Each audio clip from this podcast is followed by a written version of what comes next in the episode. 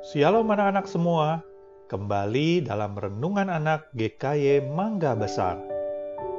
Renungan hari ini berjudul Kekuatan Kasih dari Matius 5 ayat 43 sampai 48. Anak-anak, suatu hari seorang anak yang bernama Dedi berkelahi dengan Dodo, teman sekelasnya Kalian tahu kenapa mereka berkelahi?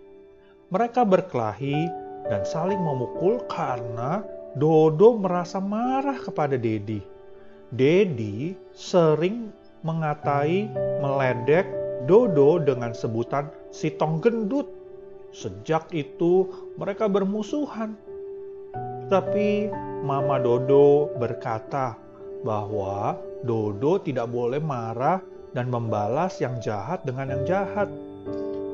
Walau diledek seperti itu oleh Dedi, seharusnya Dodo bisa tetap sabar. Karena Tuhan suka orang yang sabar dan tidak membalas yang jahat dengan yang jahat. Dan ternyata Dodo mendengar nasihat mamanya. Sejak itu ia diam saja dan tidak membalas jika diledek oleh Dedi.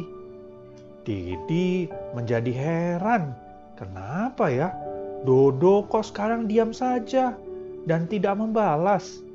Suatu hari Dedi kaget karena di mejanya dia melihat ada tulisan yang berkata, "Kamu adalah temanku dan aku mengasihi kamu." Wah, Dedi heran, siapa yang meletakkan tulisan dengan sebungkus permen untuk dia? Ia tidak mengira bahwa yang memberi permen dan tulisan itu adalah Dodo temannya yang selama ini dia selalu ledekin. Ketika Dedi tahu bahwa Dodo lah yang telah memberi permen dan tulisan itu kepadanya, Dedi menjadi malu.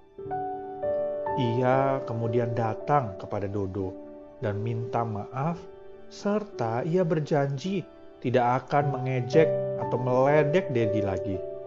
Nah, anak-anak, nasihat Mama Dodo yang diambil dari firman Tuhan ternyata sangat manjur. Ya, kita tidak boleh membalas yang jahat dengan yang jahat.